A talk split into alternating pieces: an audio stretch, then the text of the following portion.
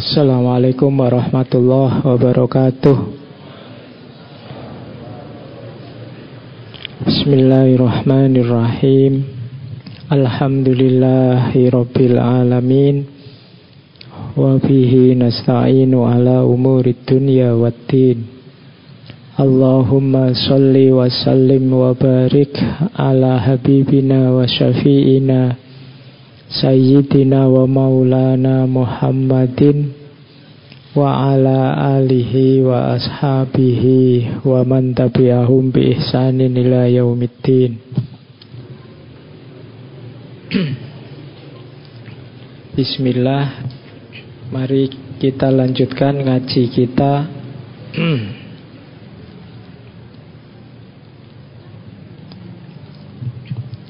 Malam hari ini kita ada di tema filsafat Yunani kuno. Kita bertemu Parmenides. Oke, mari kita mulai di tata niatnya. Karena perbuatan baik itu tidak ada nilainya kalau niatnya keliru. Dan juga sebaliknya. Jadi kalau dalam Islam itu niat dan perbuatan itu satu paket.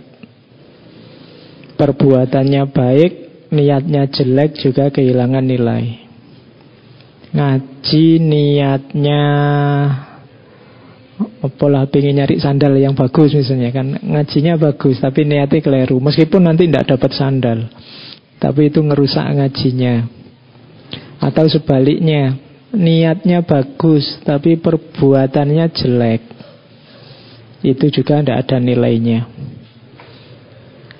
Kayak Thanos itu kan, Thanos itu menghabiskan separuh planet bumi karena dia merasa bumi itu terlalu berat. Ya, jadi separuhnya harus hilang biar ringan, biar nggak cepet-cepet kiamat. Cuma itu juga jelek. Kayak Robin Hood. Inginnya keadilan tapi jalannya maling. Niatnya bagus Tapi yang dilakukan jelek. Hasilnya juga jelek. Jadi niat sama perbuatan itu harus jadi satu. Kalau niatnya sudah baik Perbuatannya sudah baik Sisanya serahkan pada Allah. Insya Allah nanti ada manfaatnya. Manfaat itu hasil sesuai ukuran perbuatannya itu manfaat. Kalau kamu belajar, maka kamu bisa lulus cepat. Ah, itu manfaat. Bahkan nanti kalau Allah berkenan dan ridho, kamu tidak cuma dapat manfaat, tapi juga dapat barokah. Barokah itu manfaat yang jauh lebih besar daripada yang seharusnya kita dapat. Harusnya kita dapat 10, ternyata bisa dapat 20 misalnya. Ah, itu namanya barokah. Barokah ini kalau sangat besar, saking besarnya kamu nggak menduga-duga kok bisa sampai semacam itu. Itu kalau wali namanya karomah. Kalau kita namanya maunah orang biasa. Pertolongan dari Allah. Jadi kita niat yang baik, insya Allah ngaji ini baik. Paling tidak kita dapat manfaat. Kalau Allah ridho kita akan dapat barokah. Bahkan mungkin jangan-jangan dapat karomah kalau kamu wali. Kalau ya lu sopo ngerti. Karena wali itu kan juga tidak tentu. Jangan-jangan kamu yang tidak merasa wali, kamulah wali. Habis ini kamu GR semua. Wah, jangan-jangan aku wali. Kalau kamu GR berarti ya memang kamu bukan wali. Oke. Kita ketemu sekarang dengan Parmenides. Parmenides ini tokoh yang lahirnya sekitar 4540 sebelum Masehi. Nanti meninggalnya 470 sebelum Masehi. Parmenides dan gurunya namanya Xenophanes nanti jadi pendiri madhab berpikir di Yunani namanya madhab Elia. Elia ini satu daerah di Italia bagian selatan. Parmenides lahir jauh sebelum Socrates, meskipun nanti Parmenides ini sempat bertemu Socrates saat dia berusia 5, uh, 65 tahun. Dan nanti Socrates masih sangat muda. Jadi Parmenides ini ketemu Socrates bersama muridnya namanya Zeno. Ketemu Socrates yang masih muda. Itu pun Socrates sudah kritis, sudah bisa diajak diskusi. Jadi orang Yunani itu asyik kalau ketemu saling diskusi. Orang-orang pinternya ketemu di mana-mana saling diskusi. Saling diskusi itu saling menguji kebenaran pendapatnya. Bukan saling menjatuhkan. Saling menguji. Menguji itu bareng-bareng nyari yang paling benar yang mana. Kalau debat itu kan menjatuhkan. Menjatuhkan itu gimana caranya pendapatku pasti benar dan pendapatmu harus salah. Itu biasanya misinya orang debat. Tapi kalau Yunani kuno punya tradisi dialog. Dialog itu bareng-bareng mencari yang benar, yang paling benar kira-kira yang mana. Nah, itu yang dilakukan oleh orang-orang di Yunani. Kayak Socrates itu pekerjaannya cuma jalan-jalan. Kalau ada kumpulan kayak gini mesti datang dia terus ikut-ikutan diskusi, ikut-ikutan ngajak ngobrol. Sampai dimarahi tiap hari sama istrinya. Nah, ya, karena karena jalan pulang kadang-kadang rumahnya jadi tempat diskusi. Sehingga istrinya jadi tidak nyaman. Oke, kita lihat apa yang dibawa oleh Parmenides. Beberapa gagasannya mungkin relevan untuk kita hari ini. Pikirannya Parmenides ini biasanya dibahas bersama dengan pikirannya Heraklitos. Karena dua orang ini hidupnya sejaman. Harusnya Heraklitos dulu. Tapi Heraklitos saya belakangkan kita angkat dulu Parmenides. Kalau Parmenides ini melihat keserbasamaan, keutuhan, kalau Heraklitos melihat perbedaan. Jadi gambarannya kalau Parmenides itu ya melihat ini semua yang di depan saya ini ya manusia. Podo. Jadi melihat aspek samanya kita semua sama, kita semua satu. Kalau Heraklitos melihat detail perbedaannya. Oh kamu itu yang ini agak pesek, yang ini pesek banget, yang ini kita lihat detail perbedaannya. Tapi kalau Parmenides ini lihat samanya. Oke, nanti kita pelajari pelan-pelan. Sebelum masuk ke Parmenides, kita flashback sebentar. Gagasan-gagasan Parmenides itu dikenal sebagai monisme. Jadi monisme itu pandangan yang punya asumsi bahwa segala hal itu hakikatnya satu. Hakikat itu maksudnya esensi yang paling dalam. Kacamata sama HP ini tak kasih contoh berpikir hakikat yang satu itu ya. Ini kan sebenarnya dua hal yang sangat berbeda. Tapi kalau mau kita pikir serius ini sebenarnya sama saja. Sama-sama bendanya. Nah, itu berarti melihat hakikat yang satu. Jadi tidak melihat yang macam-macam. Yang kita sebut plural itu sebenarnya ya satu. Jadi ini cara berpikir monistik Allah partai ini, partai itu, partai A, partai B, partai C tujuannya ya sama, paling ya pingin dapat itu misalnya. Ah, itu cara berpikir monistik, lihat samanya. Allah kuliah di sana, kuliah di sini, di kampus sana, kampus ini ya sama saja. Paling ya cari ijazah. Ah, itu hanya lihat satu aspeknya yang dianggap esensial. Nah, monisme itu melihat realitas ini bahkan seluruhnya itu hakikatnya ya satu. Jadi tidak beda. Di situ ada ilustrasi gaya monistik ini misalnya bisa dilihat kalau filsafat misalnya materialisme. Materialisme itu semuanya serba materi, hakikatnya segala sesuatu itu ya materi. Ada idealisme. Kalau idealisme itu melihat semuanya hakikatnya ya ideal-ideal, ide-ide. Sama kayak pikirannya Plato. Jadi yang jelas monisme itu melihat keragaman, keseragaman. Nanti lawannya pluralisme. Kalau pluralisme justru melihat ada macam-macamnya. Sementara yang tengah-tengah namanya dualisme. Kalau dualisme itu melihat alam ini tidak banyak juga tidak satu, tapi serba dua berpasangan. Ada siang, ada malam, ada laki-laki, ada perempuan, ada dan seterusnya. Itu jadi kalau monisme bilang ya semua warna hakikatnya putih. Nanti kalau dualisme bilang ya ada hitam, ada putih. Kalau pluralisme bilang ya ada hijau, ada kuning, ada merah, macam-macam. Nah itu cara berpikir Ada orang itu yang melihat aspek-aspek samanya saja Ada yang sibuk dengan perbedaan Yang melihat aspek samanya saja namanya monisme Oke okay.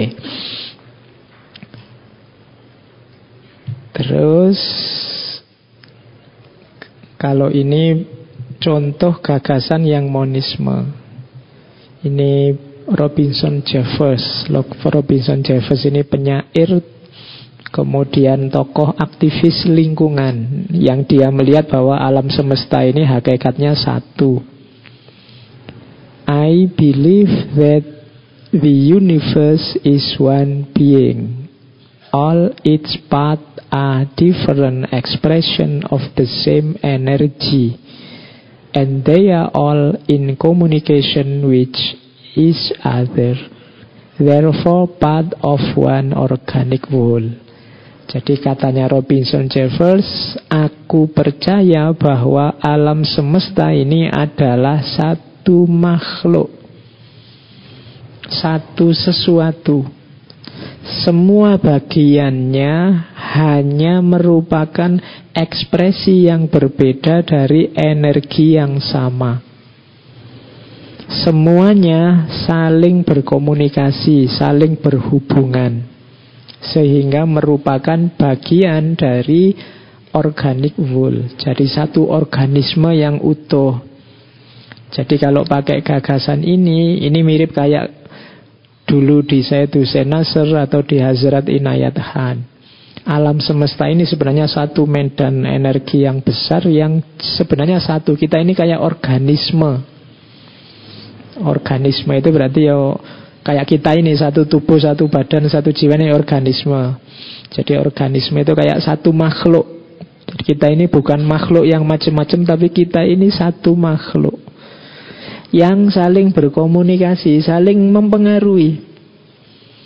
Jangan dikira kalau kamu jahat itu kejahatanmu hanya kena ke orang lain, juga kena ke dirimu, juga kena mungkin ke anak cucumu, juga kena ke lingkungan sekelilingmu. Karena kita ini saling terhubung.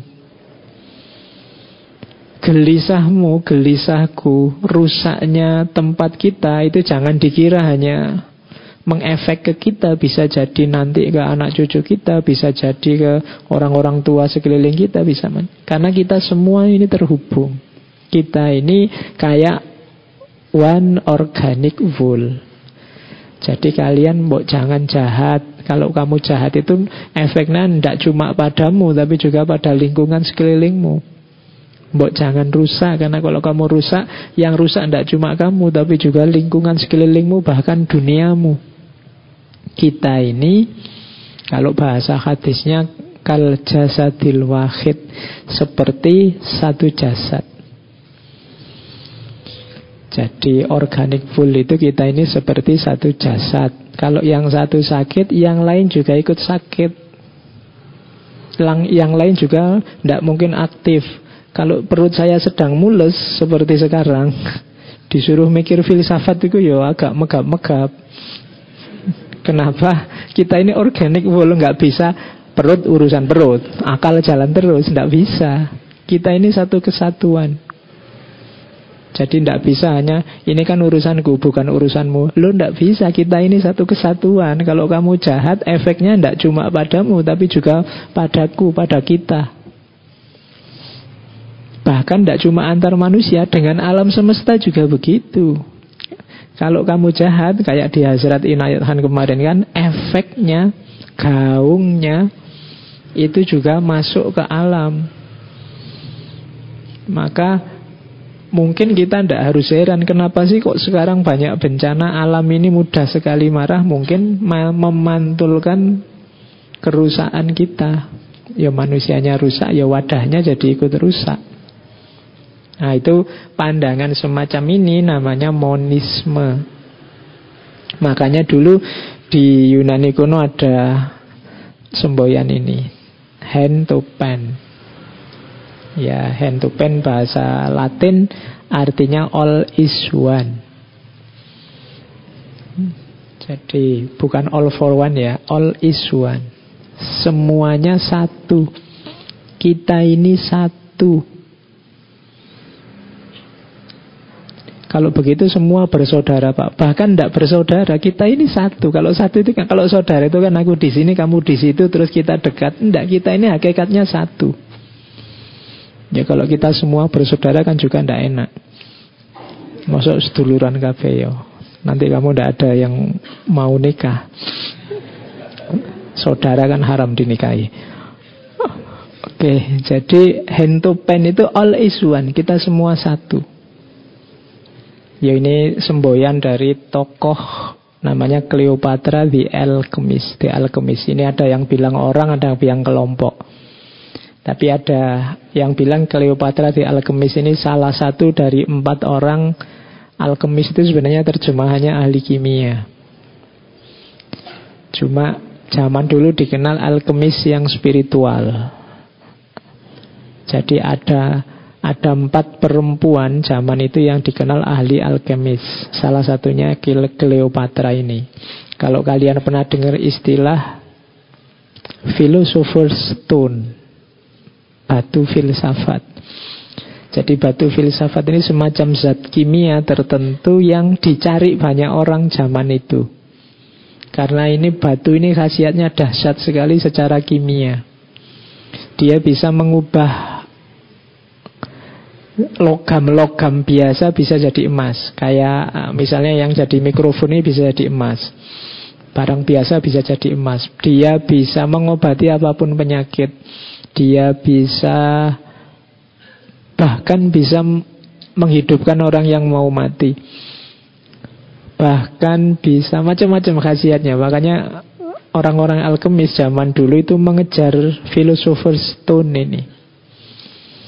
Dan coba dilacak di beberapa tradisi keagamaan kuno, termasuk Hinduisme dan Buddhisme ada apa barang-barang hal-hal tertentu yang konotasinya mirip kayak philosopher's stone ini. Dia kalau kamu miliki dia kamu bisa melakukan apa saja.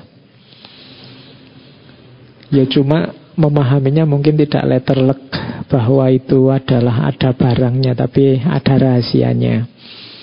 Oke, jadi itu all is one sama jadi gambarnya ular yang makan ekornya sendiri.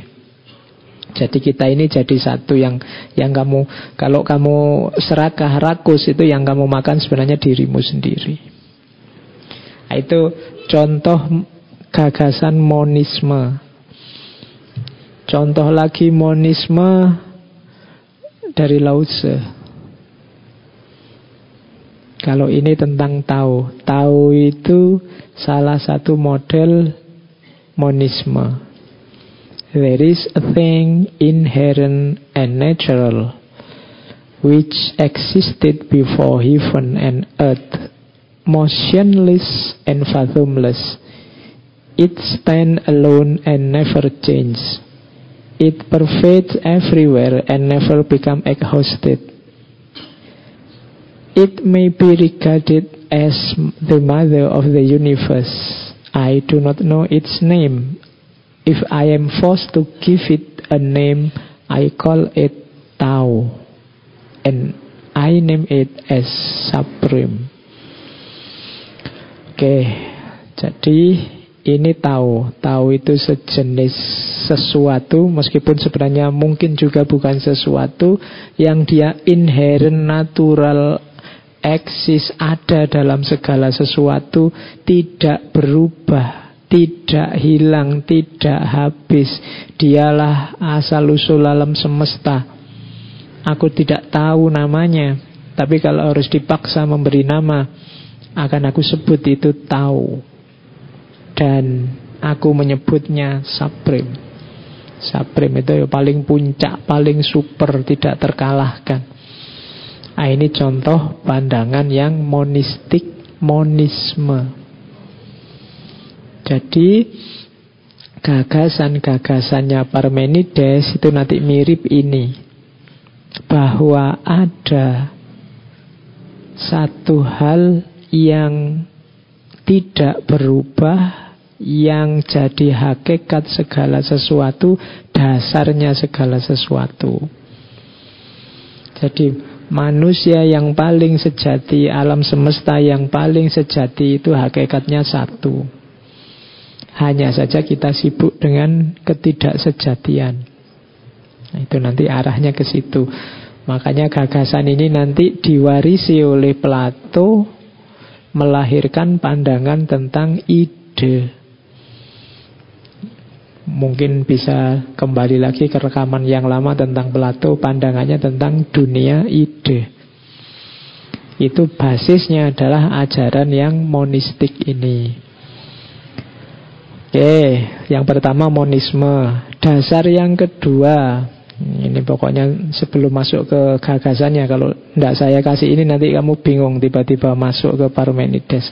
Tentang being, ada.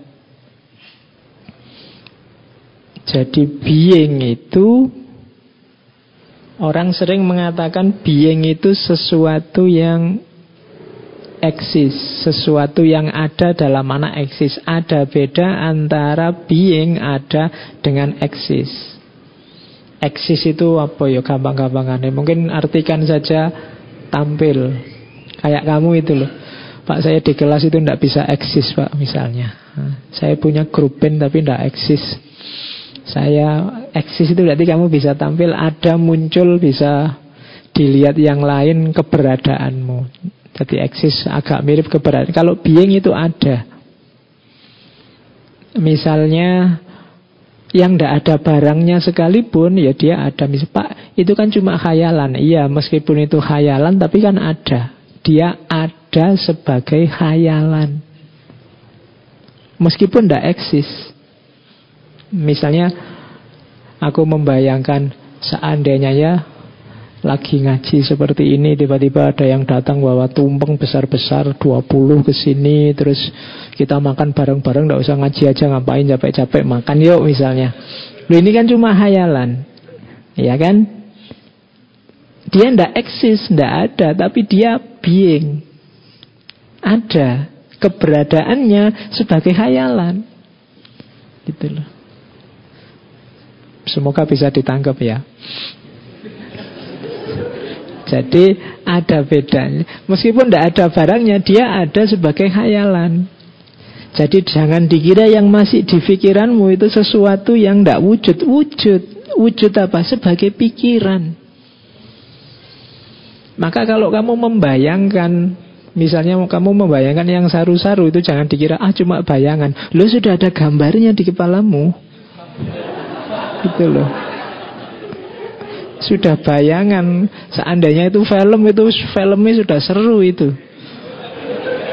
Gitu loh.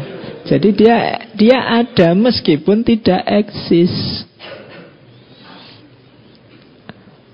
Ada orang bilang, ya kalau pikiran kan nggak bisa dihukumi. Ya kalau urusan hukum mungkin enggak, tapi itu sudah sesuatunya ada. Kalau kamu kan saya cuma membayangkan memperkosamu, kan membayangkan tidak bisa dihukum misalnya. Loh iya, itu cuma membayangkan tapi dia sudah being, sudah ada sebagai pikiran di kepalamu.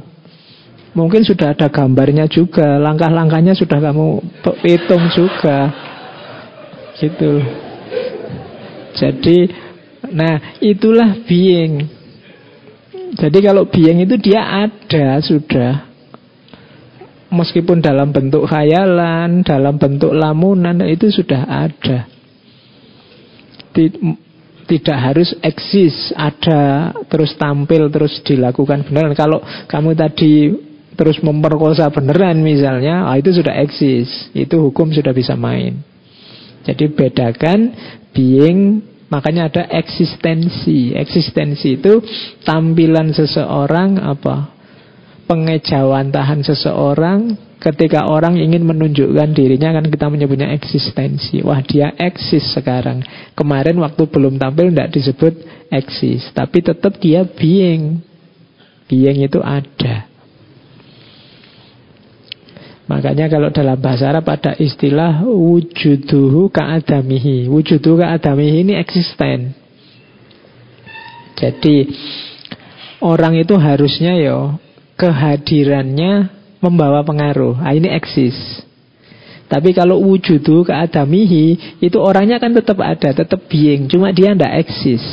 Seolah-olah tidak ada, tapi sebenarnya dia ada. Nah, itu bedanya being dan eksisten. Nanti masih ada lagi substansi. Kalau substansi itu hakikat tadi. Meja ini substansinya kayu ada lagi esensi. Esensi itu meja ini hakikatnya tempat untuk naruh barang, itu esensi. Ada lagi eksistensi, eh eksistensi, aksidensi. Aksidensi itu yang tempelan. Dia bukan hakikat tapi sifat. Misalnya meja ini warnanya hijau. Nah, itu namanya aksidensi. Aksiden itu kan apa kalian menerjemahkan aksiden itu kan sesuatu yang hanya nempel tiba-tiba. Nah, itu bisa hilang, bisa ganti, tidak masalah. Dia bisa hijau, bisa kuning, tidak masalah. Tapi kalau substansi tadi, kalau ini tidak ada kayunya, ya tidak ada meja ini. Kalau ini tidak jadi tempat sesuatu, ya dia kehilangan esensinya. Jadi ada esensi, ada eksistensi, ada substansi. Loh, filsafat itu jelimetnya begitu. Ada being, kalau being itu cuma ada begitu saja. Cuma wujud begitu saja. Meskipun nanti kalau kita belajar agama terus ada mungkinul wujud, ada wajibul wujud. Nah itu berarti apa? Yang adanya wajib dan yang adanya ini mungkin. Kayak kita ini mungkin wujud. Kita ada atau tidak Tidak tergantung kita ternyata. Tergantung yang di luar diri kita Yang membuat kita ada. Berarti kita mungkin ada Mungkin juga tidak ada Secara hakikatnya. Itu kalau kita masuk ke teologi. Oke. Nah, yang dibahas oleh Parmenides nanti tentang being ini. Tentang ada. Jadi dia nomor satu ada itu predikat paling umum, sederhana, universal. Jadi sesuatu itu kalau kamu tarik terus paling dasar, ketemu paling akhir, paling umum, paling sederhana itu ya ada ini. Misalnya gini, saya orang Indonesia, terus ditarik lagi seret, saya orang Jawa. Ditarik lagi seret, saya orang Jogja, tarik lagi seret, saya anaknya Pak ini, tarik lagi seret, terus atribut-atributmu kamu tarik sampai kamu habis, sampai nama saya ini, terus seret, saya manusia, terus kamu tarik terakhir, saya ada. Itu pokoknya atribut paling dasar. Kalau ada saja nggak ada, maka semua yang atribut setelahnya nggak ada gunanya. Kalau kamu ditanya, kamu pasangan favoritmu yang kayak gimana sih? Saya itu maunya yang cantik, yang kulitnya putih, yang panjang-panjang, terus yang terakhir yang penting ada. Nah, ya. Loh iya. Karena yang di depan tadi. Loh iya itu atribut paling dasar itu ada. Kok Kamu idealmu berapa panjang pun Kalau tidak ada yang buat apa. Gitu. Loh Jadi yang nomor satu kan tetap harusnya ada. Lah kalau nggak ada ya Dan kamu boleh ngeyel. Paling tidak kan ada sebagai cita-citaku pak. Ya Oke, kenyataannya tidak ada Itu hanya impianmu saja Oke, dia ada sebagai mimpi. Oke, nah predikat ada yang nomor dua itu sifatnya a priori. A priori itu bisa disimpulkan dengan akal saja. Jadi tadi kita merancang dengan akal saja, atribut ada itu sudah bisa disimpulkan. Kalau tadi yang kulitnya putih, rambutnya panjang itu kan kamu harus melihat keluar. Pakai akal saja tidak bisa. Nah, kalau yang ada ini kamu bisa menyimpulkan pakai akal. Yang penting ada, itu bisa disimpulkan dengan akal. Jadi predikat yang paling umum, paling dasar dan a priori bisa pakai akal. Kemudian jadi syarat eksistensi. Sebelum tampil ya ada dulu. Jadi sebelum eksis harus being dulu. Sebelum realita keberadaan dulu. Oke, terus ada pasti dapat diketahui. Kalau yang tidak diketahui, ya dia tidak ada. Begitu kamu ketahui, dia jadi ada. Nanti dijelaskan panjang oleh Parmenides. Nah, Klasifikasinya ada itu ada dua kategori sungguh-sungguh ada dan mungkin ada. Kemudian yang kedua nyata ada dan tampak ada. Yang tidak ada tidak masuk hitungan. Kenapa? Karena yang tidak ada itu tidak ada. Iso ya, pikiranmu gak tekan mesti. ya. Yang tidak ada itu tidak ada maksudnya apa? Ya ketidakadaan itu tidak ada. Begitu kamu tahu, Pak ini tidak ada, berarti dia ada. Loh, kok kok Kamu bingung ini. Kok kopinya tidak ada? Itu berarti kan sekarang ada. Di mana? Paling tidak di pikiranku. Gitu. Kalau dia tidak ada sama sekali, ya tidak muncul apa-apa. Ini cuma ada yang nyata tampak dan ada yang tidak nyata tampak. Oke, ini, ini tulanan gini ini asik. Jadi roto ada logikanya, ada hakikatnya. Sebenarnya nanti kalau masuk ke tasawuf logika ini terpakai itu yang sering membuat kita agak bingung membaca logikanya kaum sufi. Jadi tentang hakikat keberadaan hidup kita. Jadi ada yang sungguh-sungguh ada, ada yang mungkin ada. Lu mungkin ada ini sudah ada sebagai kemungkinan. Ya kan? Saya ini Pak calon presiden loh. Loh, presidennya dirimu itu sudah ada sebagai sebagai kemungkinan. Gitu loh. Saya presiden itu sekarang ada sebagai apa? Sebagai kemungkinan. Saya ini wali loh Pak misalnya. Loh. Kamu yang wali itu sekarang sudah eksis, sekarang ada. Adanya sebagai apa? Sebagai kemungkinan. Jadi kemungkinan ada. Ada juga yang nyata ada dan tampak ada. Kalau ini mudah. Sebenarnya dia ada, cuma tampaknya tidak ada. Atau sebenarnya dia begitu tapi tampaknya begini. Itu contohnya kan pensil. Kayak kamu SD dulu kan latihan melihat ini pensil ini masih lurus apa patah terus dimasukkan gelas ada airnya. Nah, dari luar dia kelihatan patah. Nah, itu namanya tampak patah. Nyatanya masih lurus. Oke, jadi ini pelajaran tentang being, pelajaran tentang ada. Makanya kalau ada yang bilang, lah kalau mengada-ada pak, ah itu, iya kan? Kamu bilang kan mengada-ada, lu mengada-ada itu berarti sudah ada. Dia ada sebagai kebohonganmu. Karena kamu ngarang-ngarang sebagai karanganmu. Gitu loh. Misalnya kamu, Pak saya tadi berangkat ke sini Pak dikawal 40 bidadari kemudian malaikatnya anu semua itu kan wong kamu ngarang. Tapi sekarang kan itu eksis, apa being, ada sebagai apa? Sebagai khayalanmu. Jadi itulah pelajaran tentang ada. Oke.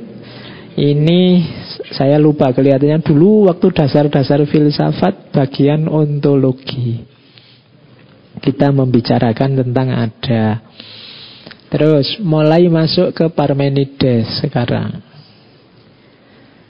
Dasarnya apa gagasannya Parmenides? Ini mirip kayak gurunya, Xenophanes. Jadi Xenophanes ini mengkritik mitologi Yunani sama kayak Talis dua minggu yang lalu. Jadi yang ada di mitos-mitos Yunani itu kebanyakan tidak berdasar apa yang nyata ada. Tapi berdasarkan apa yang tampak ada. Jadi apa yang nyata ada dengan apa yang tampak ada. Xenophanes itu gurunya Parmenides itu bilang bahkan termasuk dewa-dewa. Dewa-dewa itu kenapa kok begitu katanya Xenophanes kan kita lihat ya ilustrasinya dewa-dewa bagaimana gambarnya Zeus, bagaimana gambarnya Hercules, bagaimana gambarnya Thor. Itu kan manusia bukan dewa. Jadi ternyata dewa-dewa itu digambar persis manusia. Kenapa katanya Xenophanes? Karena yang gambar manusia. Itu mungkin kayak kalau saya bilang, mungkin di kepalamu, entah sengaja atau tidak, ada sosok malaikat, ada sosok Tuhan dalam tanda petik. Itu kan sosoknya mirip kayak manusia semua. Bayanganmu kan ada sosoknya, kayak ada kepalanya, ada tangannya, ada kakinya Dan itu kalau di ilmu kalam disebut antropomorfis Menggambarkan Tuhan kayak manusia. Tapi image-nya yang ada di kepala kita itu kan image manusia. Bahkan di Yunani dengan vulgar digambar Ya persis manusia Meskipun ideal, gagah, tinggi Punya brewo, macam-macam. Kalau dewa-dewa zaman Eropa lama itu digambarkan brewokan. Hercules itu brewokan panjang gitu. Karena dulu mungkin idealnya orang gagah itu begitu.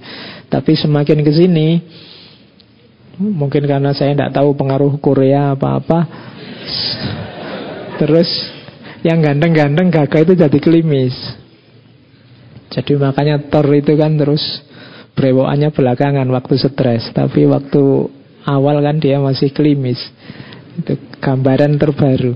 Itu dikritik oleh Xenophanes. Antropomorfis. Antropomorfis itu kita ini sedang bikin Tuhan versi kita sendiri. Bahkan nanti Xenophanes mengkritik itu ya kalau seandainya sapi, kambing, kuda diberi kemampuan berpikir dan gambar, mungkin dewa-dewa itu ya bentuknya sapi apa kayak kuda. Versi mereka sendiri. Nah, itu seperti saya bilang ya, filsafat Yunani awal itu mengkritisi tradisi kepercayaan Yunani kuno yang ada zaman itu. Jadi yang pertama Parmenides mengkritik mitologi Yunani. Yang jelas yang paling dikritik oleh Parmenides adalah orang terjebak pada kepercayaan dan menjauh dari kebenaran. Jadi nanti dia punya dua jalan pengetahuan itu. Ada jalan kepercayaan, ada jalan kebenaran. Nah, di situlah gunanya filsafat datang. Jadi filsafat itu datang untuk mengatasi agar manusia ini tidak lemah. Agar dia tidak terjebak oleh pendapat-pendapat kepercayaan-kepercayaan. Jadi ini sebenarnya kalau pakai bahasa hari ini banyak orang hanya taklid saja pada pendapat-pendapat yang ada sebelumnya. Tidak mau mendaya gunakan akalnya. Sehingga akhirnya hidup jadi tidak produktif, tidak kreatif. Orang hanya manut saja, akalnya tidak jalan. Di situlah nanti orang butuh filsafat Berpikir yang jernih Yang tidak hanya ikut-ikutan Jadi ini yang dikritik pertama oleh Parmenides dan para filosof dari madhab Elia Nah, nanti Parmenides membedakan antara kebenaran dan pendapat Warheit dan Menung jadi kalau itu kebenaran ya dia universal berlaku untuk siapa pun, kapan pun dan di mana pun. Kalau pendapat dia berubah-ubah seperti penampaan yang labil. Jadi kebenaran itu abstrak. Kalau pendapat itu dasarnya sesuatu yang tampak saja. Kayak tadi ya, tak kasih contoh. Gelas tadi yang ada airnya, kamu masukin pensil. Kalau kamu hanya lihat pensilnya saja sekarang dari luar, penampakannya saja, maka kamu akan menyimpulkan pensilnya bengkok. Nah, itu jalan pendapat. Padahal apa? Kebenarannya pensilnya masih tetap lurus. Banyak orang yang berhenti di pensil bengkok ini Tidak mau menggunakan akalnya untuk menjangkau bahwa lo Itu pensil itu masih lurus Hanya karena kena biasnya air saja terus dia kelihatan bengkok Itu sama kayak kita hari ini kan Yang terjebak oleh penampakannya tertipu oleh tampilannya, kata-katanya, narasi teksnya, tidak mau berpikir lebih dalam sedikit. Ada ada makna kebenaran universal di situ. Akhirnya kan kita clash. Kita melupakan jangan-jangan kita ini sebenarnya sama, cuma penampakannya saja berbeda. Jangan-jangan pikiran yang macam-macam itu mungkin sebenarnya hakikatnya sama. Hanya saja karena kita berhenti di penampakan, berhenti di yang kelihatannya, kita melupakan ada yang lebih hakiki. Jadi yang kebenaran, bukan pendapat. Jadi ada jalan kebenaran, ada jalan pendapat. Kalau kebenaran itu berarti sifatnya hakiki, kalau pendapat itu sifatnya temporer. Dasarnya hanya penampakan-penampakan. Oke. Kita lanjutkan. Nah, dari pembagian kebenaran dan pendapat tadi terus disimpulkan oleh Parmenides ada dua jalan pengetahuan. Yang pertama aletheia dan yang kedua doksa. Aletheia itu jalan kebenaran, kalau doksa itu jalan kepercayaan. Saya tidak tahu istilah doksa ini, jangan-jangan ini yang kita serap di Indonesia terus jadi dosa. Tapi ini bahasa Latin, bahasa Yunani. Jadi aletheia dan doksa. Nah, kalau aletheia apa? Aletheia itu ya tadi jalan pengetahuan melalui unsur kebenaran. Sementara doksa, orang hanya percaya dengan apa yang dilihatnya. Akhirnya apa? Tertipu oleh unsur-unsur yang tidak nyata, tidak benar, tidak ada. Jadi menurut Parmenides, orang yang mengambil jalur doksa itu orang yang tertipu oleh penampakannya. Hanya melihat tampilannya. Yang tampilan ini berubah-ubah. Tidak konsisten. Kenapa? Karena hanya penampakan. Padahal ada yang lebih hakiki. Itu maunya Parmenides. Kalau lihat sesuatu, lampaui penampakannya. Kalau hanya berdasar panca indera, kamu bisa tertipu. Akalnya dipakai. Nah, itu maunya sebenarnya. Jadi Gunakan prinsip-prinsip berpikir yang benar. Masuki objeknya, jangan terjebak penampakannya. Oke. Misalnya air putih ini misalnya. Kalau kita terjebak penampakannya, mungkin menurut oh putih itu berarti nanti mesti tawar itu, mesti tawar. Lu nanti kalau ilmumu putih mesti tawar, bisa jadi kamu terjebak suatu ketika minum air putih kok ndak tawar rasanya. Sekarang kan banyak itu kan air minum yang putih jernih begitu diminum rasanya manis. Ya, ada manis-manisnya karena sudah karena sudah seminggu nggak di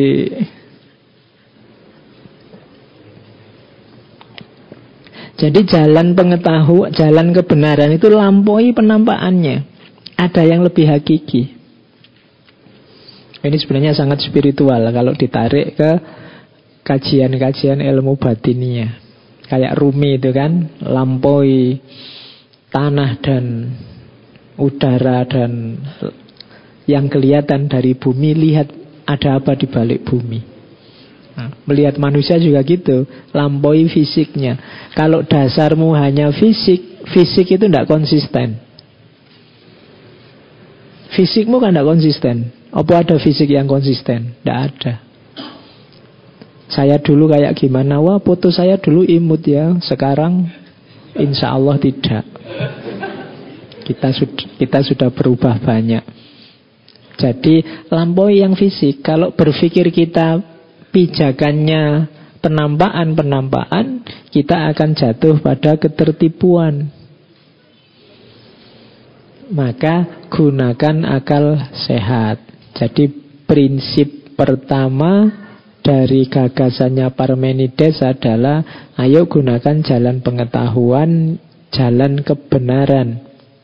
Bukan sekedar kepercayaan. Maksudnya percaya pada hanya percaya pada apa yang kita lihat, apa yang bisa dijangkau oleh panca indera. Karena panca indera itu mudah tertipu. Kayak di Imam Ghazali itu kan waktu beliau nulis Al-Mungkid Minadolal dulu pernah kita bahas bagaimana penampakan panca indera bisa menipu. Kalau tangan habis kita panaskan di air hangat, kita masukkan kemudian ke air dingin, air dingin ini rasanya hangat. Tertipu kita. Kita lihat gunung itu kelihatan halus, mulus dari jauh. Begitu dekat, ayo geronjal-geronjal. Bulan itu kelihatan indah sekali kalau dari bawah. Tapi begitu kamu nanti datang ke bulan kan ternyata di sana lebih mengerikan. Geronjal-geronjal. Nah, itu yang bisa ketemu begitu apa pakai akal. Kalau percaya saja apa jabatan indra bisa keliru. Oke. Nah, dari situ nanti lahirlah prinsip-prinsip logis, prinsip berpikir yang ini nanti jadi da, jadi dasarnya ilmu logika. Termasuk diadopsi oleh Aristoteles. Jadi pelajaran tentang ada, pelajaran tentang jalan kebenaran dan jalan penampakan melahirkan yang pertama apa? Prinsip of identity. Prinsip of identity itu A sama dengan A. Kalau dia ada ya pasti ada. Ini kacamata ya ini kacamata itu ada ya berarti dia kacamata itu ada. Itu namanya prinsip of identity. Jadi cara berpikir paling dasar itu prinsip of identity. Kalau kalian prinsip of identity saja tidak bisa, oh tidak mungkin kalian bisa jadi filosof. Karena ini paling sederhana. Ini apa? Kan kita sebut kacamata. Kan saya bilang tadi identity itu A sama dengan A. Kalau ini kacamata, ya kita pahami dia sebagai kacamata. Itu prinsip of identity, sederhana. Ini kelihatannya sederhana sebenarnya, cuma dalam praktek sehari-hari kita sering dibelokkan oleh hasrat, nafsu, ambisi, sehingga kadang-kadang ini harusnya kita bunyikan A, tidak kita bunyikan A. Jadi prinsip of identity saja kita kadang tidak lulus. Kenapa? Karena kepentingan, karena nafsu, karena hasrat. Sudah jelas kelihatan bahwa yang benar itu itu. Dengan prinsip A sama dengan A. Tapi kadang-kadang kita belokkan sendiri. Dalam rangka apa? Kepentingan. Jadi ada hal tersembunyi yang kita inginkan di luar kebenaran. Padahal ini prinsip paling dasar. Kita kadang kesulitan menyebut A sama dengan A. Makanya tadi saya bilang kalau ini saja kita tidak lulus, mungkin kita tidak bakat jadi filosof. Karena filosof itu ya keberpihakannya tegas pada yang benar dan yang bijaksana. Kalau mengakui kebenaran saja tidak bisa, ya susah. Jadi itu prinsip pertama. Yang kedua, prinsip non-contradiction. A tidak sama dengan B. Kacamata ini tidak sama dengan laptop. Itu juga cara berpikir dasar. Ada tidak mungkin sama dengan tidak ada. Itu non-kontradiksi. Ini juga dasar. Contohnya banyak. Cuma itu tadi kadang-kadang kita dengan sengaja mencampur antara ada dan tidak ada. Dua hal yang tidak mungkin kita jadikan satu. Harusnya kalau kita milih A berarti kita tidak milih B. Tapi kadang-kadang dalam hidup kita itu pilih enaknya saja. A ya boleh, B ya boleh lah pak. Nah, ini pilih enak itu. Padahal itu tidak logis. Kalau kamu milih ini berarti kamu tidak suka sama ini. Tapi kadang-kadang karena hal tertentu kita milih ini tapi kita juga mau yang ini. Yes, cari contoh sendiri banyak. Oke, kadang-kadang kan kalau kita dikasih pilihan kan kita milih yang enak. Pingin kaya apa pingin ganteng? Kamu kan terus milih yo kaya yo ganteng. Wong ini disuruh milih kok dua-duanya milih itu salah satu. Itu sederhana sebenarnya. Cuma kan kita terus seneng nyari yang anunya aja.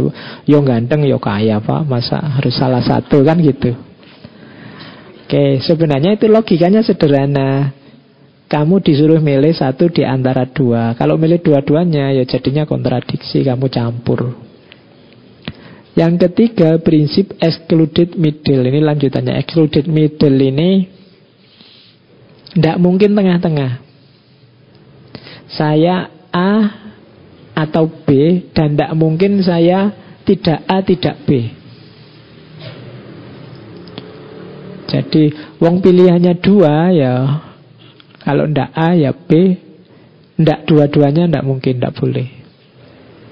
Saya ini Pak, laki-laki ya tidak, perempuan ya tidak. Itu tidak excluded middle. Bahkan yang mungkin sama teman-teman sering dibahas itu ada gender ketiga, keempat, kelima itu kan tetap mengafiliasikan diri dengan A atau B. Nah, itu excluded middle. Tidak mungkin dua-duanya.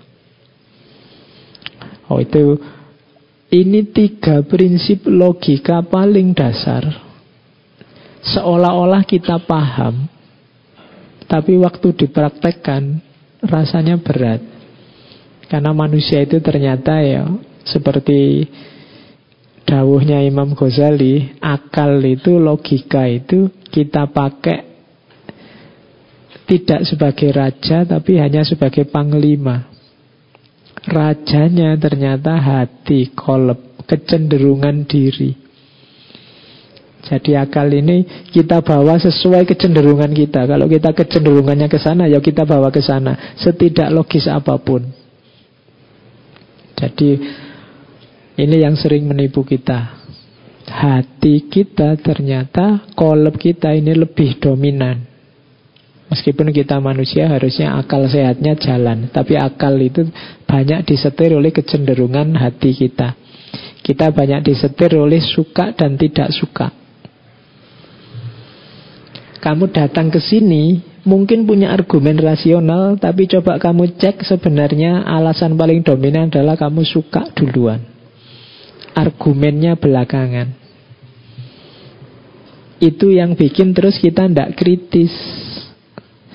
Meskipun kamu ketemu jelek-jeleknya Karena sudah terlanjur suka Yo kamu sebut dia tetap bagus Yo kalau sama kayak kamu punya pacar atau punya pasangan itu loh Meskipun dia sedang dalam kondisi jelek Melakukan yang jelek kan tetap kamu belani Atau orang yang kamu sukai melakukan kesalahan kan tetap kamu belani Kenapa? Karena kita lebih disetir oleh kecenderungan hati, kecenderungan jiwa kita. Nah, hanya para jagoan yang bisa menaklukkan dirinya sehingga rasa suka dan tidak suka ini tidak menyetir dirinya. Al-Quran kan banyak nuntun kita itu kan. Jadi jangan sampai rasa suka dan tidak suka membuatmu tidak adil. Nah, itu sebenarnya Al-Quran mengingatkan kita karena manusia itu sering begitu. Suka dan tidak suka menyetir dirinya. Oke. Dan yang keempat, ini prinsip dasar berpikir juga. Reason is basis, not senses. Bukan panca indera. Jangan terlalu percaya dengan panca indera, pakai akal. Gunakan akal sehatmu. Kalau hanya percaya dengan panca indera kamu bisa tertipu. Oke, ini kebalikannya peradaban modern yang positivistik. Orang modern itu justru butuh bukti yang konkret, yang empiris. Mungkin termasuk kita hari ini. Kita hari ini kan punya prinsip kalau tidak ada fotonya berarti hoax. Kalau tidak ada gambarnya berarti hoax. Itu kita menuntut bukti yang konkret. Loh, pertama-tama jangan itu, pakai akal sehatmu deh. Ngapain capek-capek nyari fotonya? Kita kan punya akal. Bisa memutuskan dengan, oh kalau kayak gitu menurut logika saya tidak mungkin. Menurut hemat saya yang semacam ini tidak pas. Itu akal sehat yang bilang. Malah kalau ada bukti konkretnya kamu bisa tertipu. Kalau kamu prinsipnya hanya foto. Sekarang banyak orang pinter ngedit. Iya, wong berita-berita online sekarang editan semua. Seolah-olah ada beritanya padahal enggak. Maka jangan tertipu oleh yang terlihat. Akal sehatnya dipakai. Oke, jadi ini prinsip berpikir dasar. Terus prinsip epistemologi selanjutnya sama kayak tadi akalnya dipakai kemudian pengetahuan indrawinya dipending. Jadi pengetahuan indrawi inilah sumbernya pluralitas akal lah yang bisa menjangkau di mana kita sama, di mana kita seragam. Nah, ini nanti ketemu benang merahnya. Semakin kita sadar bahwa kita berbeda, semakin kita hanya melihat yang penampakan-penampakan ini, kita akan menyadari bahwa kita berbeda, ya semakin kita susah bersatu untuk bersatu justru ayo kita sadari persamaan-persamaan kita. Orang pusmo itu sebenarnya memang punya kecenderungan menyadari pluralitas perbedaan. Tapi kalau kita basisnya di perbedaan ini ya semakin tegas perbedaan kadang-kadang semakin susah untuk disatukan. Kalau versinya Parmenides, lihatlah kesamaan-kesamaan kita. Maka kita akan lebih mudah untuk diikat rukun. Jangan lihat kamu aliran apa, kamu kelompok apa. Kalau dilihat itu, ketemunya penampakan dan kita pasti berbeda. Begitu kita berbeda, biasanya terus ada jarak di antara kita. Kenapa sih Pak zaman dulu kok ndak banyak friksi-friksi, ndak banyak konflik-konflik? Mungkin zaman dulu kita ndak banyak sadar tentang perbedaan kita. Karena teknologi informasinya mungkin belum terlalu membantu ke sana. Tapi sekarang begitu ada IT, kita sadar banyak sekali perbedaan. Begitu sadar perbedaan, terus kita kan biasanya mengambil jarak. Semula saya tidak banyak kenal dengan kalian ini siapa. Begitu nanti salaman kenalan terus kamu bilang, Pak, saya ini kelompok keras pak Wah sudah mengkerut terus Langsung satu jarak ditambah Saya dari kubu sana Pak Nambah lagi satu jarak Semakin tahu penampakan dan identitas kita terus semakin banyak, semakin berjarak dari yang lain karena topeng kita kan banyak. Tapi kalau Parmenides melihat, mbok sudah kita lihat samanya saja. Hakikatnya kita ini satu. Nah, itulah maunya Parmenides. Jadi ayo satu saja kita sama-sama manusia kok itu jadi satu. Kita sama-sama makhluknya Allah kok kan itu jadi satu juga. Begitu kita ada di level yang satu ini menjalani hidup jadi lebih mudah. Jadi kita ini satu yang punya fungsi dan punya bakat dan punya kemampuan yang beda-beda. Sehingga kita harusnya kerjasama. Kayak di depan tadi loh Kita ini kayak organisme. Organisme ini kan beda-beda Tapi hakikatnya satu. Tubuh kita ini kan macam-macam. Ada kaki, ada tangan, ada mulut, ada telinga. Ini kan beda semua. Kalau sama semua bisa mengerikan wujud kita sendiri-sendiri, mainnya juga sendiri-sendiri. Tangan ada tugasnya sendiri, kaki ada tugasnya sendiri, telinga ada tugasnya sendiri. Tapi hakikatnya satu. Jadi, nah kesadaran kita di kesadaran yang hakikat satu ini. Jangan kesadaran yang penampakan yang banyak. Kita antar manusia juga begitu. Mungkin kalau kalian yang tidak misalnya apa? Tidak pecinta kucing misalnya. Kamu lihat kucing itu kan sama saja kucing di mana-mana juga begitu kan gitu. Tapi yang pecinta kucing ngerti sampai detail. Ini kucing ini, ini kucing itu, ini cirinya itu ngerti perbedaannya. Nah, jadi hidup ini antara kesamaan dan perbedaan ini. Kadang kita memang harus sadar perbedaan, tapi di level tertentu kita harus berpijak pada kesamaan khususnya untuk bekerja sama. Karena kita ini satu tubuh. Jadi itu prinsip epistemologi yang kedua. Kalau versinya Parmenides. Nah, sekarang ini baru yang melanjutkan tadi yang ada tadi.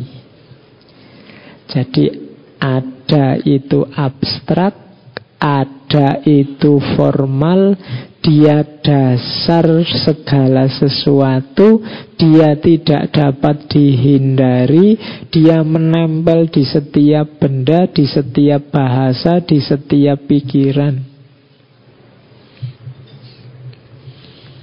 Meskipun dia di dasar segala sesuatu, kalau di situ kalimatnya ia juga berbeda dari benda, pikiran, dan bahasa, karena dia dasarnya.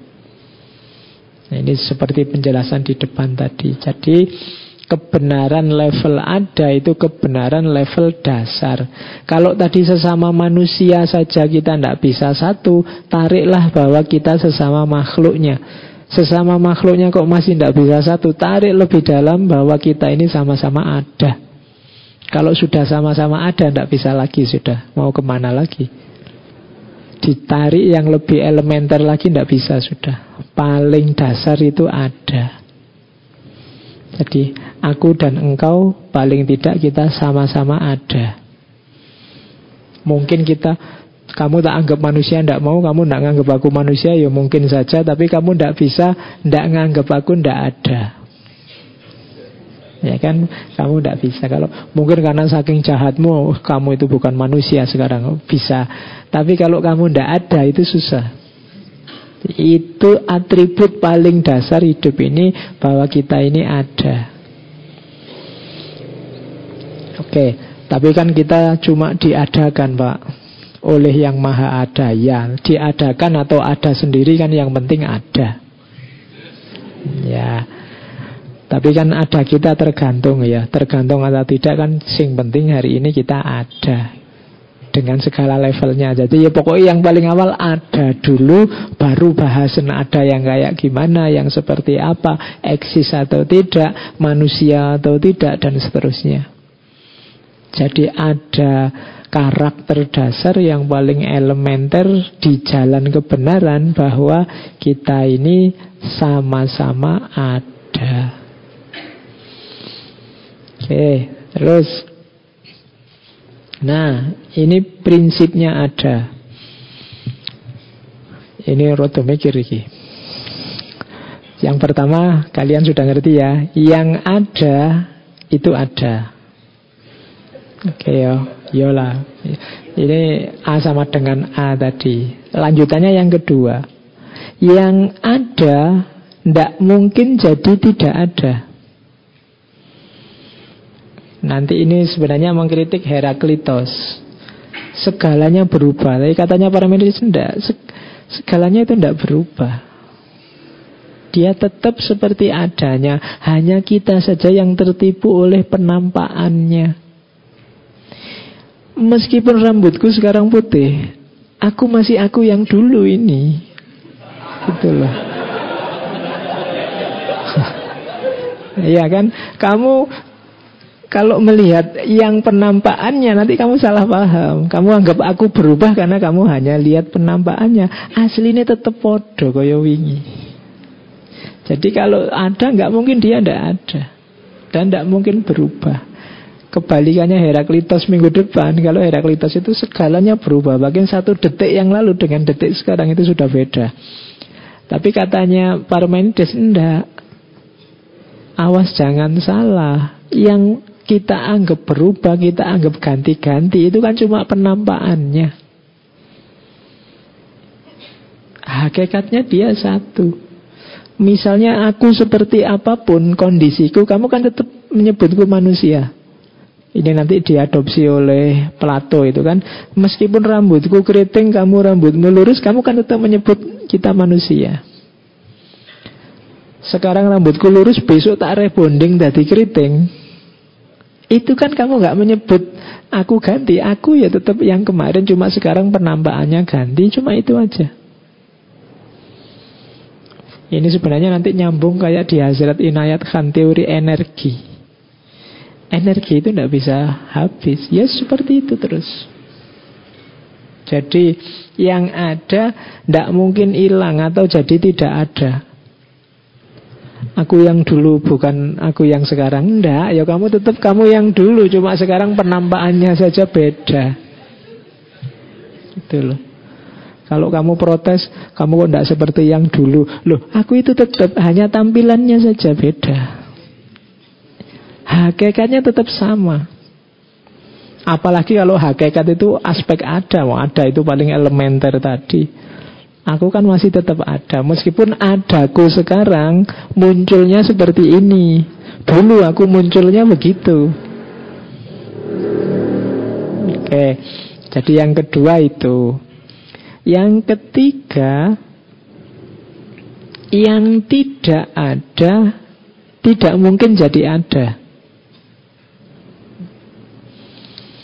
Itu seperti saya jelaskan tadi ya. Kalau sesuatu itu tidak ada, tidak mungkin difikirkan, tidak mungkin diomongkan. Tapi kalau sudah kamu pikirkan, bisa kamu omongkan, berarti dia sebenarnya ada. Tidak ada pak, itu cuma ngarang. Lu dia ada sebagai karangan paling tidak. Jadi yang tidak ada tidak mungkin muncul jadi ada. Yang asli tidak ada, ya memang tidak ada. Difikir saja tidak bisa. Itu baru tidak ada. Kenapa? Karena yang dapat dipikirkan hanya yang ada. Yang tidak ada tidak dapat dipikirkan. Ada ndak sesuatu yang ndak sama sekali ndak ada terus muncul di kepalamu? Apa bisa? Tidak bisa. Kamu tadi Pak, saya membayangkan seandainya aku jadi presiden. Lu presiden itu kan sudah ada sebelumnya. Kamunya juga sudah ada sebelumnya. Yang tidak ada jadi ada itu tidak mungkin. Yang ada jadi tidak ada juga tidak mungkin. Ini nanti kamu ulang-ulang 10 kali lagi rekamannya. Ya, biar kamu bisa menangkap. Ya, pokoknya ini malam ini kita filsafat mengada-ada. Jadi yang dapat difikirkan hanya yang ada. Nanti kita kasih contoh ya. Ini loh, sesuatu yang dapat dipikirkan itu ada. Jadi perhatikan kalimatnya ini Kak Jelimut sesuatu yang dapat difikirkan dan karena sesuatu itu pikiran ada itu sama. Yo. Jadi sesuatu yang dapat dipikirkan berarti apa? Yang dapat kamu pikirkan itu hanya segala yang sebelumnya ada. Kalau tidak percaya boleh kamu cek. Apa bisa kamu memikirkan sesuatu yang tidak ada? Tidak bisa. Yang bisa kamu pikirkan hanya segala yang sebelumnya ada.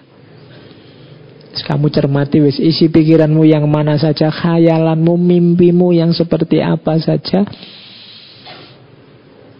pasti berawal dari sesuatu yang sebelumnya ada. Ya contohnya kayak tadi loh, saya mimpi pak jadi presiden. Itu kan sebenarnya dalam kenyataannya tidak. Tapi kan presidennya ada. Sebelumnya ada. Kalau fiksi ilmiah pak, fiksi itu kan ngarang pak. Iya, tapi sengarang-ngarangnya fiksi sumbernya pasti dari ada. Yang sudah ada sebelumnya. Tinggal digabung-gabung. Kenapa? Ya memang itu karakternya dunia manusia. Tidak mungkin dia berpikir yang sama sekali tidak ada. Yang tidak ada ya tidak ada memang. Yang kamu ada-adakan itu pasti ada bahannya sebelumnya. Ya kamu sebut imajinasi kan imajinasi itu menggabung-gabung informasi yang sudah kamu miliki sebelumnya. Di kelas sering saya ilustrasikan contoh ketika Nabi Muhammad Isra Mi'raj terus mencontohkan pakai buruk gitu kan. Buruk itu kan seolah-olah barang akhirat yang tidak ada orang tahu seperti apa. Cuma kan begitu manusia memikirkannya, dia menggunakan bahan-bahan yang dia tahu sebelumnya. Buruk itu kan tunggangannya kanjeng Nabi waktu Isra Mi'raj. Begitu saya ngomong kendaraan atau tunggangan, yang muncul di kepala kita, pikiran kita kan, oh itu dikendarai. Kalau Arab zaman itu yang dikendarai, kalau bukan unta ya kuda. Cuma kan ini cepat, bisa dari Masjidil Haram cepat sampai ke Masjidil Aqsa. Kalau unta sama kuda yang lebih cepat, kuda. Ah, berarti ini jenis kuda mesti. Cuma dia bisa mi'raj ke langit ketujuh. Bayanganmu mi'raj ke langit itu kan terus ke atas. Dan di pikiranmu ke atas itu terbang. Kuda susah bisa terbang. Gimana dia mau terbang? Akhirnya apa? Kamu pakai bahan pikiran yang kamu miliki sebelumnya. ngertimu yang bisa terbang itu burung dan burung bisa terbang karena punya sayap. Maka kamu kasihlah ada kuda pakai sayap. Itu bahan yang ada sebelumnya. Terus ada hadisnya bahwa buruk itu termasuk jenisnya bidadari. Jadi kepalamu bidadari itu kan perempuan cantik.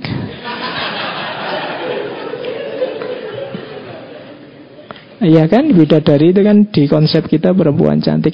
Kita mengilustrasikannya pakai bahan yang kita miliki sebelumnya. Akhirnya ini kuda secantik-cantiknya kuda ya ndak mungkin masa bidadari kepalanya kuda. Akhirnya kan gambar buruk itu kepalanya dihilangkan diganti gambar perempuan cantik pakai mahkota. Saya tidak tahu yang mahkota itu. Mungkin bayangannya surga itu bangunannya kayak kerajaan-kerajaan Terus jadi yang perempuannya pakai mahkota biar kayak penghuni kerajaannya surga.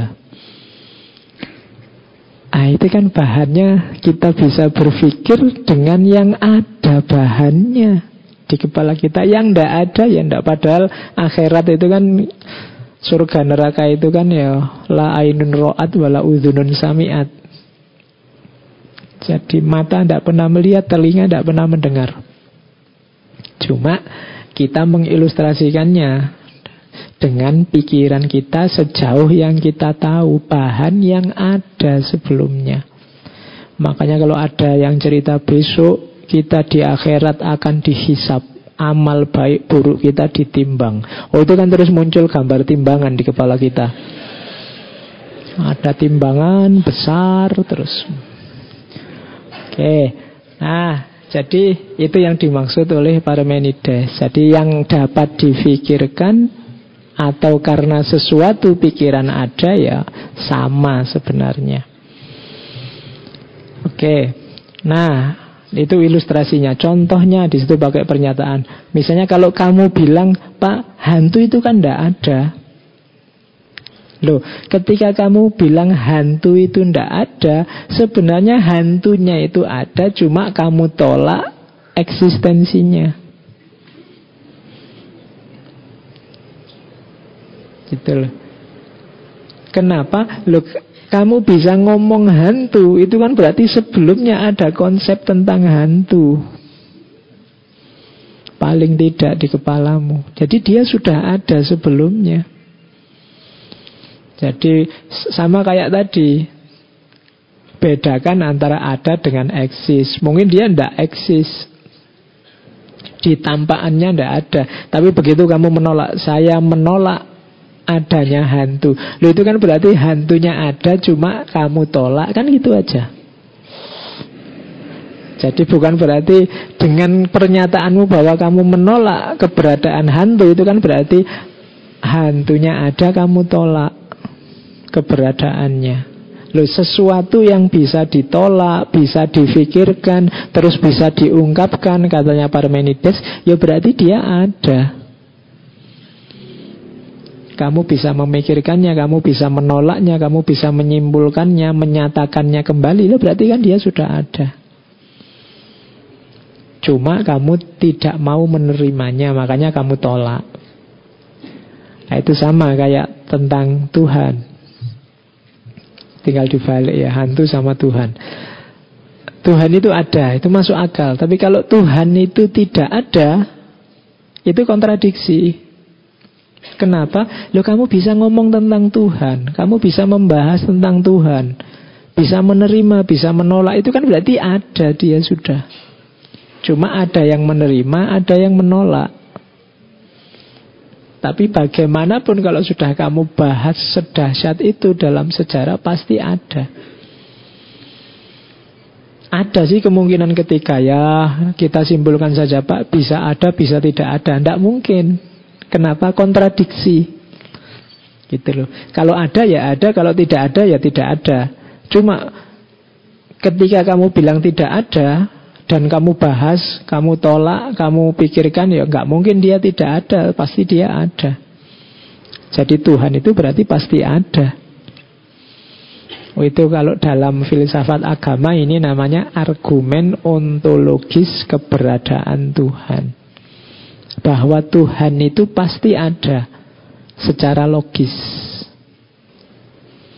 Kenapa? Karena keberadaannya bisa ditolak, bisa disetujui, bisa dibahas, bisa didiskusikan, pasti ada. Tidak mungkin tidak ada. Atau dia antara ada dan tiada, tidak mungkin. Kalau itu kontradiksi. Jadi kalau tidak ada ya tidak ada. Kalau dia tidak ada, berarti tidak bisa dibahas, tidak bisa difikir, tidak bisa diungkapkan. Tapi buktinya dia sudah dibahas. Bahkan ada yang menolak keberadaannya, berarti dia ada. Oke, jadi ini contoh tentang berpikir ketuhanan. Oke. Terus ini lebih rumit lagi. Oke ya. Kamu membacanya juga susah. Ini konsekuensinya, kesimpulannya. Yang pertama, menurut Parmenides, ada itu satu, pluralitas itu tidak mungkin. Jadi hakikat hidup alam semesta ini sebenarnya satu. Plural itu hanya penampakan-penampakannya. Intinya satu. Contohnya manusia yang macam-macam ini kan intinya satu manusia. Meskipun ada yang rambutnya keriting, ada yang kulitnya hitam, ada yang kulitnya sangat hitam, itu kan hakikatnya satu, sama-sama manusia. Seperti saya contohkan kucing tadi dulu Seperti apa pun jenisnya kucing Tetap kita bisa menyebut itu kucing Kenapa? Karena memang hakikatnya kucing Satu berarti Jadi yang ada itu satu Pluralitas itu Kalau bahasanya Parmenides agak ekstrim Ya tidak mungkin Tidak mungkin ini berarti apa? Pluralitas itu tidak nyata Dia hanya penampakan-penampakan Kemudian yang ada tidak berubah dan tidak dapat dimusnahkan. Kalau sudah ada ya dia ada terus. Tidak dimusnahkan dalam arti beda penampakan saja. Dia tidak hilang.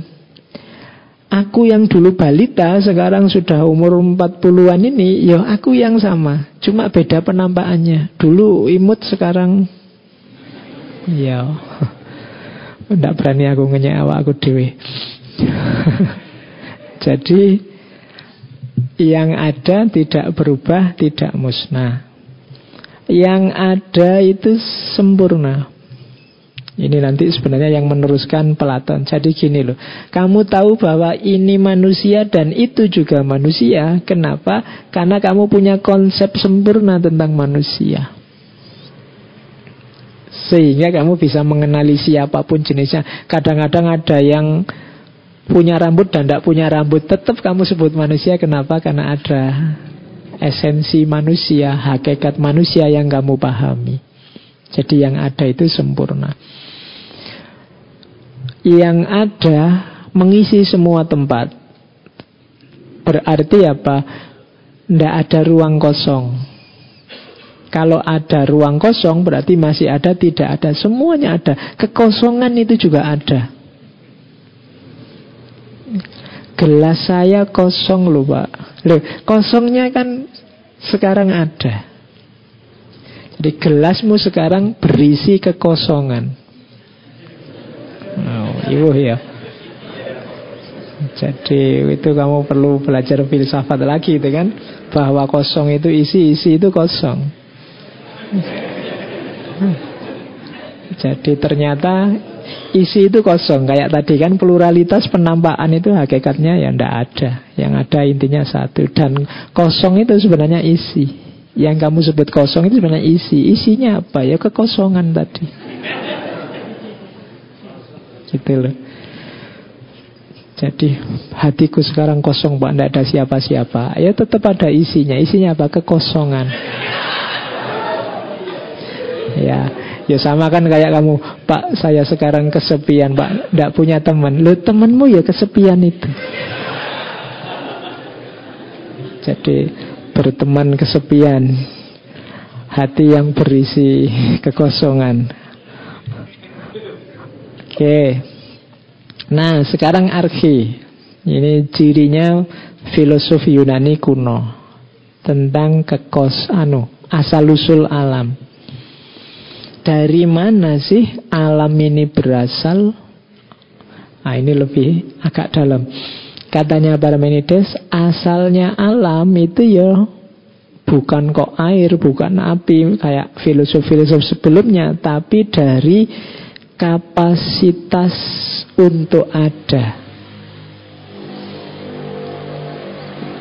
Jadi kemungkinan kalau bahasanya nanti ini mungkin dilanjutkan oleh Aristoteles itu kan alam itu kodim apa ndak ndak. Alam itu ada bahannya diciptakan. Bahannya apa? Potensi. Jadi potensi itu kemungkinan untuk ada. Jadi dari potensi untuk ada jadi ada beneran. Dari hanya potensi jadi aktual. Itu asal-usul alam semesta. Jadi bukan dari air, bukan dari api, tapi dari potensi untuk ada. Oke, ini asal-usul. Sekarang kita lihat beberapa quotes-nya Parmenides sebenarnya melanjutkan tadi ini semacam implikasi gagasan-gagasan beliau dari tulisan-tulisannya. Jadi Parmenides ini naskah yang tertinggal sampai hari ini itu banyak dalam bentuk puisi-puisi. Nanti carilah fragmen fragmen fragmen Parmenides itu isinya yang saya jelaskan di depan tadi cuma dalam bentuk puisi. Saya tidak menulisnya di sini persis kayak puisi. Nanti kalau puisi persis saya bawa ke sini kamu tambah puyeng. Tapi kamu boleh nyari. Ada ayat-ayat fragmen-fragmen dari Parmenides yang bentuknya puisi, isinya tadi jalan kebenaran, jalan kepercayaan, doksa, aletheia, dan seterusnya. Oke, itu kalimat-kalimat dari puisi beberapa saya bawa ke sini. Misalnya ini, Wherefore all these things are but the names which mortal have given, believing them to be true. Di mana pun segala sesuatu itu tidak lain hanyalah nama-nama yang diberikan oleh manusia dan dipercaya sebagai benar. Jadi apa pun itu sebenarnya kita yang memaknai, kita yang menyebutnya dan kita yang mempercayai. Manusia itu sering begitu. Terus kalau saya bilang hati-hati ya, di sini ada hantunya. Dan kita yang menyebut ada hantunya, terus kita takut sendiri, terus kita jadi itu names which mortal have given. Kita sebut sendiri, kita beri nama sendiri, terus kita percayai sendiri. Jadi banyak penambahan-penambahan pluralitas tadi yang Terus kita sebut ini penting, ini tidak penting, ini luar biasa, ini biasa-biasa saja. Itu kan tempelan-tempelan dari kita semua. Dan kita percayai. Ngaji ini penting sekali loh. Itu kan dari kita sendiri, kita labeli sendiri, terus kita percayai sendiri. Yang tidak percaya juga begitu. Ngaji ini sesat loh. Dia labeli sendiri, dia percayai sendiri. Yang sudah percaya ya terus percaya, yang tidak percaya terus tidak percaya. Jadi hidup ini kalau versinya Parmenides main makna main label. Kita tempeli, kita maknai, kita percayai. Kita yang memberi makna.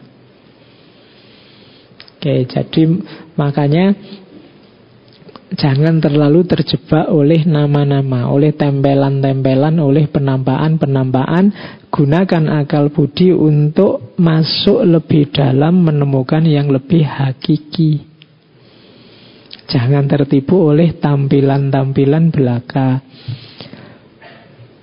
Nah, to be and to have meaning are the same. Jadi kita ini eksis jadi sesuatu itu sebenarnya dasarnya adalah to have meaning. Kita memaknai.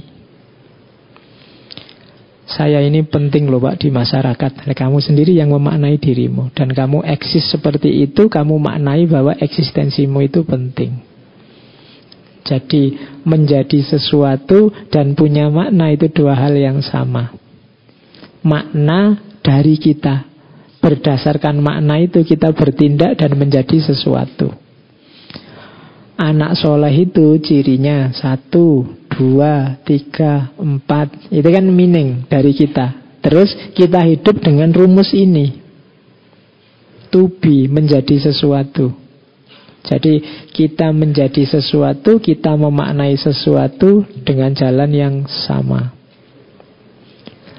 Makanya ternyata hidup ini kuncinya memang makna. Makna itu berarti apa? Sesuatu yang kita tempelkan pada sesuatu. Jadi makna itu kita menempelkan sesuatu pada sesuatu. Kita menempelkan label tidak penting pada ngaji ini. Itu kan makna dari kita. Kita menempelkan label sesat pada kelompok itu Itu makna dari kita Ini namanya meaning Kita menempelkan makna berani pada warna merah Kadang-kadang kita kasih makna Apalagi berhenti pada warna merah Kalau itu lampu merah Sebenarnya yang ngasih makna itu kita Merahnya tetap merah Dia cuma warna netral Dia jadi berhenti apa jadi berani Kuncinya di siapa? Manusianya. Dan kita hidup dengan itu. Ah itu kan cuma model baju. Tapi bagi yang lain ini ada maknanya Dengan makna tertentu. Ah itu kan cuma gaya hidup. Tapi bagi yang lain gaya hidup ini konotasinya positif. Bagi yang lain gaya hidup ini konotasinya negatif. Jadi to be and to have meaning are the same. Sama. Terus Nah, kalau tidak ingin terjebak oleh penampakan-penampakan, let reason alone decide. Biarkan akal sehatmu yang memutuskan. Agak menarik untuk dicermati reason di zaman filsafat Yunani yang nanti diwarisi oleh tradisi Islam itu masih dalam bentuk intelijensi. Bukan dalam bentuk kalau bahasa filosof muslim akal yang juz'i. Intelijensi itu jauh lebih lengkap daripada hanya akal yang akal yang juz'i itu kalau hari ini ya akal saja yang positivistik yang tergantung empiris, tergantung pengalaman kita bersama benda-benda. Akal yang kuli yang kita artikan intelijensi itu tidak sekedar lihat benda-benda, tapi juga di situ ada nurani, ada naluri, ada imajinasi bermain. Lebih utuh. Sementara yang akal juz'i ini akal yang tergantung pemahamannya pada adanya bahan dari pengalaman. Kalau tidak ada benda, tidak ada pengalaman, tidak ada bahan untuk berpikir. Itu namanya akal juz'i. Nah di Yunani ini akalnya lebih utuh, lebih lengkap. Namanya reason. Jadi let reason alone decide. Terus It is all one to me where I begin, for I shall come back again there. Silahkan cari kamus terjemahkan. Ya. Itu kalimat ini saya ambil karena saya menarik dengan kalimat ini. Mungkin kalau pakai bahasa kita itu adalah terjemahan dari inna lillahi wa inna ilaihi rojiun. Aku dulu berasal dari sini dan akan kembali lagi ke sini. Ya kalau kita kita dari Allah dan nanti akan kembali ke Allah. It is all one to me where I begin, for I shall come back again there. Kita akan kembali lagi ke sana. Ini innalillahi versi Parmenides. Ya, dengan dengan kalimat yang khas itu ya. Jadi ya ini orang-orang belum dapat wahyu mereka mereka berpikir pakai akalnya sendiri ternyata hidup ini satu dan kita akan kembali ke situ lagi oh itu akal yang bisa menjangkau ini tanpa tuntunan wahyu ini termasuk akal yang luar biasa. Makanya nanti di tulisannya Syekh Nadim Al-Jisr itu menyebut orang-orang Yunani ini sebagai orang-orang yang berakal besar. Jadi pikiran-pikirannya luar biasa. Oke, terakhir ini istilah paling sering dipakai ex nihilo nihil fit tidak ada yang keluar. Tidak mungkin keluar apa-apa dari tidak ngapa-ngapain. Ya. Loh itu ini ungkapan sangat logis sederhana Cuma kita sering lupa sehingga kita menuntut hasil atas sesuatu yang tidak kita lakukan. Wong kamu tidak ngapa-ngapain loh. Kok minta hasil yang begitu? Ex nihilo nihil fit. Saya pak cita-citanya ingin lulus cepet, dapat kerja mapan, terus menikah, punya rumah besar, punya mobil. Lah kamu sudah ngapain? Belum ngapa-ngapain. Nah, itu namanya ex nihilo nihil fit. Tidak akan keluar apa-apa dari apa yang tidak dilakukan. Ya kalau kamu tidak ngapa-ngapain ya tidak usah nunggu hasilnya. Tidak akan keluar apa-apa. Wong kamu tidak ngapa-ngapain. Ya saya nunggu anugerahnya Allah saja loh Pak. Le lewat jalur mana anugerahnya datang? Kalau nggak kamu bikinkan jalan mau lewat mana? Rezekinya datang, anugerahnya datang. Jadi ex nihilo nihil fit. Ini dalil bagi mereka yang males. Ya, Ya kalau kalian males ya ndak akan dapat apa-apa. Jadi lakukan sesuatu, usahakan sesuatu. Tapi hidup ini kan sudah ada yang ngatur ada, cuma aturannya bagaimana kan kamu ndak tahu. Dari sisi Allah, hidup ini memang jabaria. Allah ngerti detail apa pun yang akan kita alami. Tapi kan kamu tidak tahu isinya apa. Yang jelas Allah menyuruh kita berusaha, kan itu. Ya berusahalah. Berusahalah jadi orang baik. Saya bilang di depan tadi lah, berniatlah jadi orang baik dan usahakanlah. Nanti Allah pasti bantu dengan manfaat, dengan barokah, dengan maunah. Kalau kalian tidak ngapa-ngapain, ya tidak akan keluar apa-apa. Ex nihilo nihil fit. Jadi prinsipnya itu. Ya kalau disambungkan dengan Parmenides tadi yang tidak ada yang tidak akan keluar dari yang tidak ada. Sesuatu akan keluar dari yang memang sudah ada. Kalau sudah kamu usahakan pasti ada hasilnya entah apa. Tapi ada sesuatunya. Kalau tidak ada apa-apa, ya tidak ada apa-apa. Oke, ex nihilo nihil fit. Oke, saya kira itu kalian sudah sangat berat malam ini. Iya. Iya. Jadi kita sudah belajar banyak tentang materi yang ada-ada saja. Ya. Minggu depan kita belajar kebalikannya. Kalau hari ini kan segalanya itu satu. Nah, minggu depan kita belajar kebalikannya bahwa segala sesuatu itu berubah dari Heraklitos.